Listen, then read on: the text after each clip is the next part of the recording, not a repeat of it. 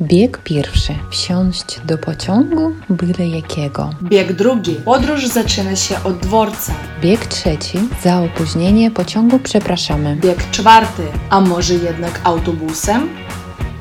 Siema Dasza. Hej Kasiu. Co tam? Co słychać? Dzisiaj był pracujący dzień. Miałam takie szkolenie produkcyjne. Musiałam jechać do innego miasta, to znaczy 15 minut tylko takim pociągiem. Koleje dolnośląskie. Oj, to już nawiązujesz do naszego tematu dzisiaj, to zdradzasz, tak? Intrygi dzisiaj nie mam. Trochę tak. I wróciłam dzisiaj dosyć późno, tak o 18 byłam w domu, a zazwyczaj jestem o 16.30. A co tam robiłaś też? Jaki był cel twojego, twojej wycieczki takiej? Musiałam się zapoznać z ofertą produkcyjną, która jest dostępna w naszej firmie. Aplikowałam sobie również różne produkty, uszczelniacze, kleje, piany i takie tam ciężkie tematy. Kasia, a ty co robiłeś? Jak dzisiaj minął twój dzień? To dzisiaj miałam sesję zdjęciową w pracy, ponieważ rok akademicki się skończył, już są wakacje i to chyba będą zdjęcia na stronie internetowej mojej szkoły językowej na nowy rok szkolny, na, na nowy rok akademicki, ale to jest tak zabawnie, że ja nie mam tak dużo sukienek, jak często mamy sesje zdjęciowe albo jakieś tam nagranie, ponieważ są takie pewne wymagania, jakie powinny być ubrania przy sesji zdjęciowej. To powinien być taki kolor spokojny, e, jednolity, że to nie byłoby jakieś tam paski, kratki, żeby to nie był materiał błyszczący, żeby to wyglądało dość oficjalnie, ale nie tak za bardzo jak na gali gdzieś. No więc nie, nie mam tak dużo sukienek. Musiałam poszukać dzisiaj, pogrzebać w szafie, ale jeszcze miałam problem, że to była taka sukienka z lnu i nie mogłam jechać taksówką, bo ona by się pogniotła. Nie mogłam iść pieszo, bo było strasznie gorąco, a to gdzieś 30 e, minut e, piechotą. E, więc zdecydowałam się pojechać trolejbusem na stojąco, żeby i sukienka była taka w miarę normalna, wyglądałoby tak mhm. atrakcyjnie, no, ale z drugiej strony to nie byłoby tak gorąco gorąco, bo to było o, o 14 i to było najgorętsza pora dnia, więc no. Udało mi się potem po tej sesji. Ale dałeś radę. Tak, tak, tak, tak, tak. Udało się o, wszystko zrobić tak, jak chciałam. Potem jeszcze po tych zdjęciach e, z koleżanką napiłam się kawy, porozmawiałyśmy o pracy i tak dalej, i tak dalej. To więc no dzisiaj taki dobry dzień to skoro Kasia powiedziałeś, że dzisiaj też jeździłeś środkiem transportu, to możemy powiedzieć, jaki dzisiaj jest temat tak naprawdę. Dzisiaj rozmawiamy o środkach lokomocji, o pociągach, o dworcach i wszystkie takie realia, które są związane z tym tematem. Nie? Tak jest. I ruszamy w drogę. Ну что, Даш, сегодня мы поговорим про транспорт. Я думаю, что это достаточно важная тема, во-первых, потому что она связана с нашим названием «Польский в бегу», а значит в движении, а движение — это транспорт, то, что ускоряет нас, и я думаю, что мы просто обязаны были затронуть рано или поздно эту тему. Даша, э, я помню, что для меня было очень удивительным словом слово «поезд». Когда я впервые поехала в Польшу, я видела много вывесок, же там было написано «поезды», части заменные для поездов. И я думала, боже, сколько в Польше поездов, почему они на каждом углу и что-то там продается, связанное с поездами. Кать, а что тебя удивляет? Э, поезд — это поезд. Обманула. Поезд — это транспорт. Не только поезд, э, точнее, что это не поезд, как почонг, да, а это и автобус мы можем назвать поездом, и машину, и фуру какую-то.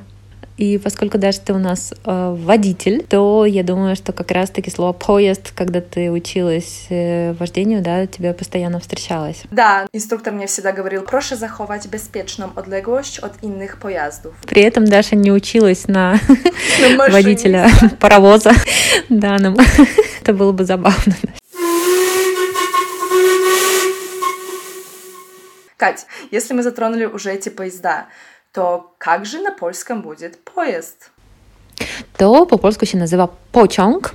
А еще мне очень нравится прекрасное слово чухча. Чухча — это такой маленький паровозик, который мы можем встретить, например, в зоопарке или в каком-то парке, на котором катаются дети. Ну или в мультиках всякие чухча могут ездить. А еще мне нравится слово пендолино. Это тоже название вида поезда. Премиум класса. Да-да-да, он довольно-таки дорогой, такой комфортный, комфортного класса, но название мне очень нравится. Пендолино, Чухча и Почонг. Выбирайте любой. Вытягиваю смешную историю. Wsiąść do pociągu, byle jakiego, nie dbać o bagaż. Я ехала в Варшаву. Всегда в поездах вам предлагают выпить, э, ну, купить кофе, чай, пшиконский. Подходит ко мне пани и говорит, кава чи хербата. Все вокруг покупали кофе или чай, а я сказала нет, потому что я просто подумала, ай, не хочу выдавать просто деньги на кофе, потерплю, как бы, ну, не mm-hmm. хотелось мне. А потом мне рассказали, что в Пиндалина в стоимость билета входит кофе или чай. И тогда мне стало просто грустно, что я не скоrzystałam z tej okazji. И когда я возвращалась из Варшавы уже в Гданьск, мне предложили воду, минеральную или не минеральную. Тогда я уже скоrzystałam z оферты. Ну, хоть что-то, хоть что-то можно было с собой взять из этого пендолино на память. Как театр начинается с вешалки, так железная дорога начинается от вокзала. И тут мы тоже встречаемся с сложными друзьями переводчика, а об этом был наш первый выпуск, вдруг еще кто-то его не послушал. А, вокзал по-польски называется дворец, да, то есть слово напоминает нам слово дворец, но дворец по-польски это палац, а дворец это именно вокзал. И вокзалы по-польски бывают двух видов. Даже на что мы их можем разделить? На две какие группы? ПКП и ПКС. Если вам нужно найти железнодорожный вокзал, вы ищете дворец ПКП. Это наподобие как наш РЖД, да, польский колей państwowe. Но, насколько я понимаю, сейчас они находятся в частной собственности, и это просто название бренда таким осталось.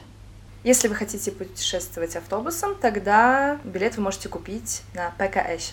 И тут главное не перепутать, на какой вам нужно вокзал, потому что они не всегда находятся прям рядом-рядом, да, то есть, например, если мы берем Гданьск, то там э, сетью подземных переходов, ходов, нужно э, с одного вокзала успеть на другой, если вдруг вы приезжаете автобусом из Калининграда, и вам нужно быстренько пересесть на поезд, да, то есть постарайтесь заранее как-то продумать, чтобы у вас было достаточно времени на пересадку. Но в некоторых городах это, в принципе, один вокзал, только разные, разные перроны, да, или разные направления. И если мы уже заговорили про вокзалы, нужно, естественно, про них чуть-чуть поподробнее рассказать. Вообще, даже я не знаю, ты застала или нет, но раньше в Польше вокзалы были в чудовищном состоянии. Это было до 2012 года, и чемпионат по футболу, он, естественно, навел порядок в Польше. В связи с этим была масштабная реконструкция польских вокзалов во многих городах, потому что когда я училась, я часто часто очень ездила в Ольштен, в Гданьск, в Варшаву, и это был просто кошмар. То есть, когда поляки приезжали в Россию, в Калининград, они просто были в шоке от наших мраморных полов, золотых люстр и каких-то там фонтанов у нас на вокзале, потому что у нас ну, всегда на вокзале была охрана, всегда было чисто, и вокзал э, в России ассоциируется с таким довольно-таки безопасным местом сейчас, потому что ну, там, там всегда спокойно довольно-таки. А в Польше раньше вокзал был таким пристанищем бездомных людей, каких-то собак, наркоманов, и было безумно страшно оказаться ночью на вокзале. И я помню, что варшавский автобус из Калининграда в Варшаву всегда приезжал в 3 часа ночи на стадион. И это было ужасно, потому что, как правило, нам даже запрещали до рассвета, до 7 утра выходить из этого автобуса. Просто реально было небезопасно. Даша, угу. Да, да, да. Как у тебя опыт с вокзалами? Когда я приехала только в Лодзь, например, все путешествия начинались с вокзала Уч-Калиска. Не знаю, как сейчас, но тогда, мне кажется, у него была такая же репутация примерно, как э, ты, Катя, говоришь, как было раньше. Mm-hmm. Он был не отреставрированный, там было не очень приятно сидеть, ждать, особенно если нужно было ночью куда-то уехать. В то время уже начинали строить вокзал Уч Фабрична, который является сейчас одним из самых красивых вокзалов в Польше. Фотографию обязательно приложим в сторис. Да, но я, мне не пришлось э, бывать на этом вокзале но я все, опять же, говорю, как я хочу поехать в Лодь, посмотреть, как, в принципе, Лодь поменялась, и, конечно же, посмотреть на этот вокзал. А, я даже еще вспоминаю сейчас такую картину, когда мы были в Ольштине, но, может быть, в 2000, там, допустим, пятом-шестом году, до сих пор у меня в глазах стоит, что там были двери такие, а за дверями почему-то там были красные какие-то шторы. То есть входишь на вокзал через шторы, просто через занавес какой-то. Естественно, они годами, наверное, не были какие-то неприятные, да. грязные. Ты заходишь, там какие-то бездомные люди сидят, Жуле. касса то работает, то не работает. Угу, жуле. Потом я помню, что один раз была такая ситуация, что из Ольштина нам нужно было возвращаться домой. По-моему, из Чехии мы ехали. И просто отменили автобус. То есть как хочешь, так и добирайся до Калининграда. В кармане там буквально, не знаю, 5 злотых каких-то. И в итоге мы с подружкой доезжали на автобусе до Барташиц, по-моему, от Барташиц на такси до границы, там пешком переходили, потом на подсадку садились как-то там. А, пешком тогда нельзя было, на подсадку мы переезжали эту границу. Это было такое путешествие, Шиго, когда ты да. так всю ночь ехал в транспорте, и тебе вот это вот нужно все преодолевать. Просто, просто автобус отменили. То есть, к сожалению... А дальше разбирайся сам. Да, да, да. К сожалению, тогда польский транспорт не славился такой ответственностью перед пассажирами. Гданьске тоже вокзал не выглядит э, наилучшим образом. Но его реставрировали же его долго, реставрируют уже несколько лет, и проект должен закончиться mm-hmm. в этом году. Я уже переехала, поэтому, ну, я буду, когда ехать э, в Калининград, я буду mm-hmm. по-любому ехать через Гданьск и увижу, как, проверю. И вообще у этого вокзала очень интересная история. В Японии есть копия Гданьского вокзала. Только mm-hmm. в Японии это не вокзал, а дворец бракосочетаний. Как он там оказался, Даш? Где Гданьск, а где Япония? В каком-то году, я не знаю, честно, не хочу лукавить. Японский бизнесмен ехал в поезде э, в Японии и листал журнал, и в журнале оказалась фотография Гданьского вокзала. Его так mm-hmm. вдохновила эта архитектура, это творение. Он решил во что бы это ни стало сделать такую же копию. Он приехал в Гданьск, Тогда проект Гданьского вокзала ему нарисовал какой-то художник.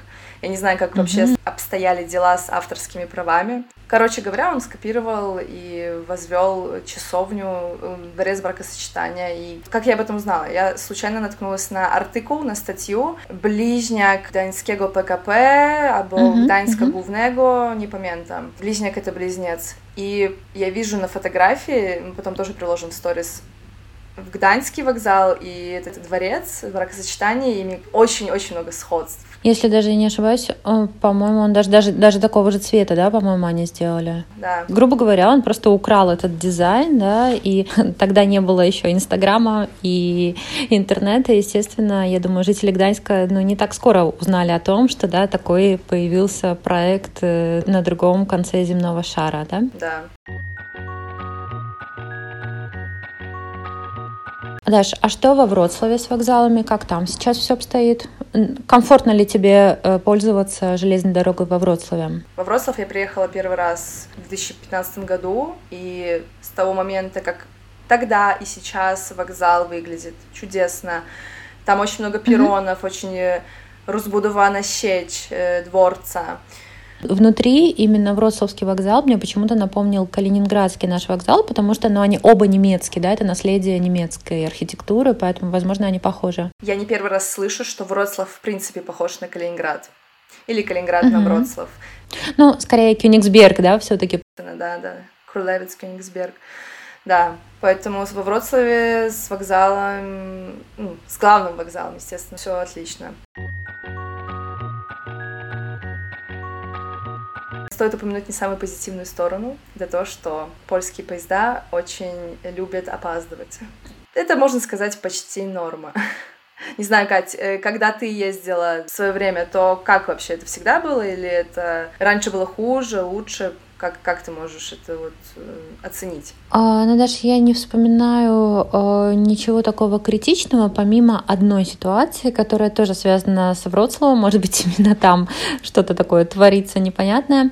Э, когда мы ехали из Вроцлава в город Шкларска-Поремба, там был ураган, и на торы колоевые, на железнодорожные пути, где-то на полпути упало дерево. Мы ехали тогда с родителями и были удивлены, что ну нет, почему польские поезда, польская железная дорога, они же все-таки должны быть такими пунктуальными и комфортными. Мы как-то немножечко пострессовали, а потом через 20 минут за нами приехал автобус, который бесплатно нас довез до места назначения. То есть, несмотря на то, что мы немножечко опоздали, но все-таки польская железная дорога, польская транспортная система сделали все, чтобы пассажиры добрались до места назначения, поэтому мы даже не обиделись на них. Даш, а как ты? Вовремя всегда приезжаешь на поездах? Даже сегодня я ехала электричкой, и поезд опоздал на 6 минут, но у меня даже mm. уже глаз не моргнул, потому что я, а, опоздал, mm-hmm. ну, ничего, как бы, нормально. Ну, Даш, он, он во время движения, он нагоняет эти минуты, или ты приезжаешь с опозданием? Когда как. Сегодня просто у него была долгая стоянка, например, на Вроцлав Гувны, так, и тогда вместо 10 минут он стоял меньше, ну, потому что нужно было время нагнать. Как-то у меня была ситуация, возвращались мы с сестрой из аэропорта Варшава-Модлин, ехали в Гданьск, и где-то на Iława Główna сломался локомотив, локомотива. Локомотива.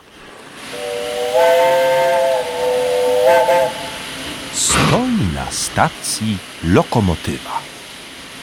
Ciężka, ogromna i pod z niej spływa. Тогда опоздание было три часа, никто почему-то ничего не делал, не было застемпчей коммуникации. В итоге мы ждали локомотива, ждали локомотив с Варшавы. Угу. То есть вам пришлось просто стоять на перроне и ждать? Нет, да? мы сидели в вагоне, сидели в вагоне, спали. Ага. Но это было очень неприятно. Mm-hmm. Тогда это еще был старый поезд, э, потому что есть новые поезда, есть старые. Это был старый поезд, где не было вагону Барувего, вагона mm-hmm. ресторана. Не было обслуги с едзением, и, ну, и то было не файне doświadczenie. Ну, с другой стороны, даже хорошо, что это вы ехали не в аэропорт и не опаздывали на самолет, да, потому что такая ситуация, по сути, могла бы привести к опозданию на самолет. Тоже нужно очень э, уважать. Например, если вы едете в другой город, в аэропорт, и знаете, что ехать 6 часов, и у вас еще будет 3 часа, чтобы доехать до аэропорта, то musicie застановить, потому что никогда не знаешь, опоздает этот поезд, и что может случиться. Также еще ситуация, мне друг мой рассказывал, сломался поезд прямо в поле. Mm. Они не могли ни выйти, ничего, это еще было лето, и, по-моему, клима не делала, и нужно было просто сидеть. А, то есть они были в раскаленном просто в этом вагоне, да? Нельзя было без никуда тени, выйти. Без всего. Также как-то ехала с Гданьского в Вроцлав, сломался поезд э, при каком-то маленьком городе. Приехал почонг за Стемпче, приехал другой поезд, мы сели в него с нашими билетами, но там не было места, мы ехали стоя, ехала стоя два часа до Вроцлава, не очень приятно, еще когда все как селедки в банке. Я тогда подала апелляцию, чтобы мне вернули какую-то часть денег, написала, что, ну, как mm-hmm. бы, ребят, так еще не роби. Я не получила никакую компенсацию, потому что они написали, что, по-моему, вартость билету или там что-то такое, есть э, ниша, ниш, ништака, которой присугує зворот. Ага, ну то есть потому что ты, наверное, по студенческому ехала, ну, да? Ну, ехала, да, да, да, да. Билет. Ну, просто тоже такую муть написали. ну, в общем... Uh-huh, uh-huh. Ну, в общем, спасибо, что довезли. Да, и, да. И, и так, да. Но даже вот как ты сказала, я помню, что тоже у меня была похожая ситуация, тоже давным-давно мы ехали из Гданьска в Ченстахову. Это был разгар лета, и тогда в Польше, в Гданьске что-то было какое-то мероприятие, поэтому очень много людей оттуда возвращалось. И когда мы сели в поезд со своими билетами, мы были в шоке от того, что поезд, он начал движение, по-моему, в Гдыне, то есть Гданьск был не конечной остановкой. Мы сели, в, заходим в поезд, а там все занято, и проходы заняты, и все занято. Ну, мы привыкли, что у нас в России ты покупаешь билет, проходишь, садишься на свое место, разворачиваешь свою курицу и начинаешь плавно переходить к такой романтической части своего путешествия. Чай из подстаканника, книжка, наушники, сутки ты куда-то едешь. Нет, в Польше раньше было не так. Сейчас э, Даша говорит, что ситуация поменялась, но раньше ты покупал билет без месяцевки. То есть, ну, возможно, это более дешевые поезда были или там второй класс, не знаю, как так получилось. Но в итоге мы из Гданьска в Ченстахову уехали, сидя на своих чемоданах в проходе. А еще стоит сказать, что в Польше поезда уже, чем в России, поскольку поскольку в Польше железная дорога более узкая, чем у нас, поэтому нет как бы вот этих боковых мест, то есть поезд заканчивается проходом. И в итоге, когда мы э, сидели на этих чемоданах, каждая, на каждой станции, когда кто-то выходил, нам приходилось вставать, пропускать людей с такими же чемоданами, и была тоже жара. Это, конечно, я вспоминаю просто как один из самых ужасных дней своей жизни, и я не ожидала, что в Польше такое бывает. Даже как сейчас выглядит ситуация? Во время ковида, э, пандемии, поездах можно было занять только 50% мест сидzących, сидячих мест, и только э, можно было купить это место, э, czyli зарезервовать то место. Если да, раньше, как ты, Катя, говоришь, можно было сидеть на чемоданах э, и mm-hmm. просто битком этот поезд э, был забит, mm-hmm то во время пандемии уже условия поменялись. Но с 26 июня этого года уже можно опять путешествовать без резервации места. То есть до сих пор такая ситуация возможна, да? Если тебе нужно ехать, то поедешь даже так. Как бы тут плюсы и минусы. Плюсы такие, что ну не, не знаешь, что может произойти в твоей жизни. Тебе нужно, например, купить и mm. уехать то ну, это хорошо, что есть такая возможность даже без места. Ну а минус, конечно, неприятно. Ты идешь протискиваешься через всех этих людей, еще и когда поезд опаздывает, mm-hmm. ну то якость услуги есть ну, на наивысшем poziomie, ну не. Даша, расскажи, пожалуйста, чем отличается вагон первого класса от второго класса? Ты путешествовала, я думаю, в таких и таких вагонах. В первом классе, честно, я только один раз путешествовала, когда ехала на стажировку в Германию. Ну, Могла тогда, себе тогда позволить. Тогда я подумала, что нужно с комфортом, но на самом деле, чем отличается первый класс? Там 6 мест, а не 8, как во втором, но сейчас есть такие новые поезда, где есть второй класс, и где тоже по 6 мест только где есть тоже розетки, поэтому зависит, какой поезд вы выберете. Будет он более новый, либо нет. Если более новый, то тогда разница между первым и вторым классом незначительная.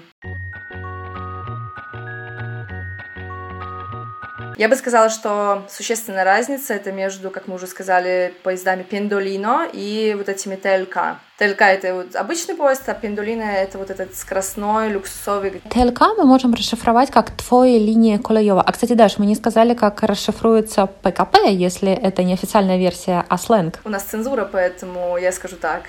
ПКП pewnie kurde поеде. Вместо курде я думаю, вы поняли, какое слово нехорошее. Мы можем перевести это как «блин, наверняка он поедет». Они настолько часто опаздывают или ломаются это, эти поезда, что кроме как нецензурно про них уже невозможно выразиться. Да, или, например, ну, ну реально, когда, если я еду куда-то или ко мне кто-то приезжает, и я смотрю, можно онлайн смотреть на инфо, mm-hmm. на сайте инфопассажир, э, опаздывает поезд или нет, насколько, и все подробности там есть. И если не опаздывает, то это такое вау.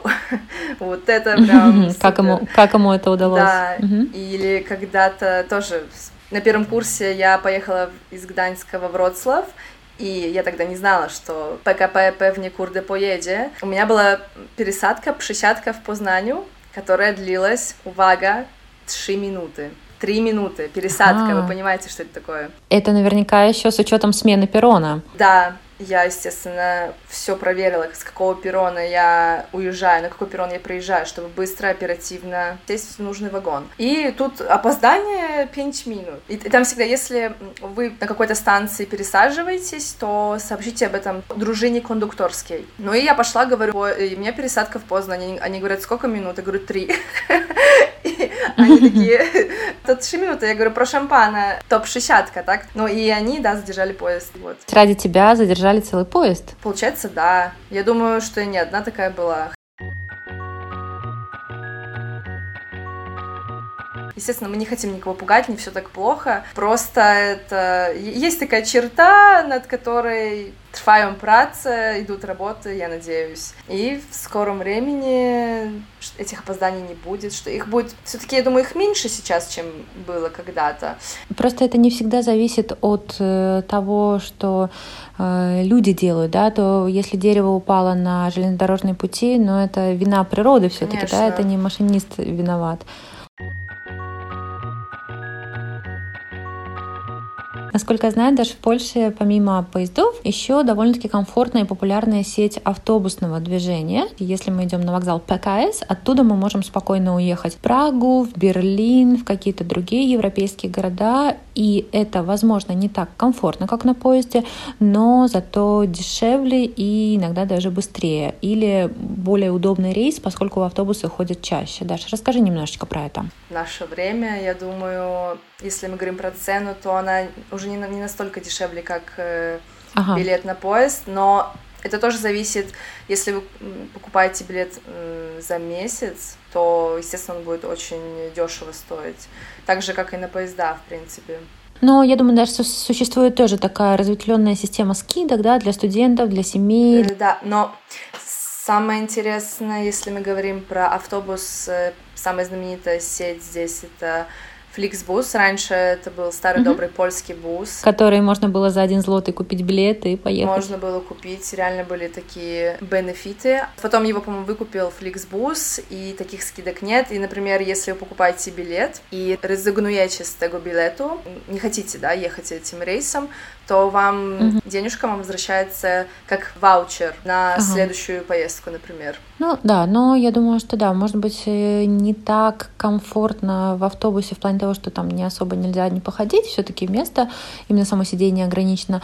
Я помню, что у меня была всегда такая мечта поехать на двухэтажном автобусе и сидеть вот на этом втором этаже, прям на первом месте, где вот этот самый козырный такой первый ряд, и ты прям вот едешь и над водителем сидишь, и то есть видишь дорогу. И я понимаю, что, возможно, это место не, не очень безопасное, то, что в случае чего ты первый вылетишь. Вот. Но обязательно, кстати, надо пристегиваться да, в польских автобусах, то есть там постоянно об этом напоминают в, объявлении. Вот. Мне понравилось то, что в польских автобусах есть Wi-Fi. Не везде он, правда, ловил хорошо, но я помню, что он был в услугах, ну, в перечне да. услуг. И да, вот мы ехали на этом двухэтажном автобусе через какие-то живописные польские поля. Я помню, что прям я была так счастлива, что э, автобус был полупустой, никто не дрался за эти там места, можно было одному сидеть хоть на четырех этих местах, поэтому я прям вспоминаю, что мне было даже и не хуже, чем на поезде путешествовать польским автобусом. Ну, они такие еще яркие, красивые, да, и то есть, когда ты видишь э, где-нибудь в таком перевалочном пункте э, крупном, как Познань, например, да, там сходятся все дороги, мне кажется, что там один автобус едет там куда-то в Италию, другой в Бельгию, и они вот все пересекаются, это прям интересно, завораживающее зрелище. Даш, расскажи, пожалуйста, какие могут быть скидки? То есть немножечко такой практической полезной информации. Я надеюсь, что все-таки когда-то пандемия закончится, и мы сможем путешествовать по Польше. Даш, где можно вообще найти информацию о скидках? Если вы покупаете билет на поезд, э, например, на сайте вы можете выбрать там один билет, один нормальный, один ульговый, один ульговый, то есть э, льготный билет, и перед вами будет перечень скидок, где вы можете найти себя. Например, у меня карта поляка, я уже не студентка, к сожалению, у меня только карта поляка, и поэтому mi 37% скидки. И для студентов это 51%, для пенсионеров, для эмеритов тоже какая-то скидка. Для детей там не помню, до 4 до 5 лет тоже, ну, для каждого там найдется какая-то скидка, только нужно предоставить документы обязательно. Да, будьте внимательны, что некоторые скидки не распространяются на иностранцев, да, да? то есть если вы студент российского вуза и показываете свою легитимацию, да, свой студенческий билет российский, он, как правило, не действует, то есть вам либо нужно сделать АСИК, международную карточку студенческую, либо если вы польский студент, то, конечно, об этом уже совсем другой разговор. Вот, что касается пенсионных билетов тоже, возможно, там по возрасту какое-то идет ограничение, то есть не то, что там как, как в России, да, именно там пенсионное удостоверение. Все это можно узнать на сайте ПКП, и там есть все на русском языке, так что не переживайте, не придется э, там со словарем сидеть, то есть все это можно найти. Но если вы хотите подучить польский, то советую на польском. Ну да, чтобы узнать какие-то, может быть, новые слова. Я помню, даже еще в учебнике «Крок по кроку» тоже есть э, урок, раздел, посвященный железной дороге, транспорту, и там очень сложное такое аудирование, которое никому не дается с первого раза. Там просто запись коммуникату, да. Мы можем на вокзале услышать объявление, но не факт, что мы его поймем, потому что вы сами понимаете, что даже если мы услышим на своем родном языке это объявление где-то в аэропорту или на вокзале, то мы не всегда даже можем сориентироваться, что там, о чем речь, поэтому будьте внимательны и на табло где-то проверяйте, либо лучше переспросите кого-то, кто с вами, может быть, поляк, он вам скажет, да, о каком сейчас поезде идет речь, возможно, что ваш поезд опаздывает, или часто бывает, что он меняет перрон, то есть будьте внимательны, чтобы не оказалось так, что вы стоите на одном перроне, ждете своего поезда, а он приехал через два перрона, естественно, сквозь них вы не можете пробежать, а вам нужно спуститься обратно в подземный переход и уже искать. А если стоянка, когда же сказала, сказала, там пересадка 3 минуты, то это очень будет проблематично. Поэтому будьте внимательны. Единственное, что вы поймете, это за опоздание пociągu przepraszamy. За опоздание поезда просим прощения. Надеемся, что этим летом вы будете много путешествовать, путешествовать поездами, самолетами, автобусами, потому что дорога это всегда что-то новое в нашей жизни, смена декораций это лучший отдых, поэтому я думаю, что, возможно, кто-то из вас будет даже и в дороге слушать наш подкаст. Вообще, на самом деле, мы сегодня хотели затронуть несколько тем, и автобусы, и трамваи, и поезда, но понимаете, что это тяжело все оказывается уместить в одном выпуске, когда мы распензам еще с одной темой, потому что она реально интересна. Это сегодня это были поезда и чуть-чуть автобусы. Мы еще вручimy до коммуникации miejskiej, не? Угу. Еще больше полезной информации у нас на Инстаграме «Польский в бегу». Приходите каждый день, там появляется много интересного. Ну то co, żegnamy się na dzisiaj, nie? До usłyszenia za tydzień. Nara, trzymajcie się.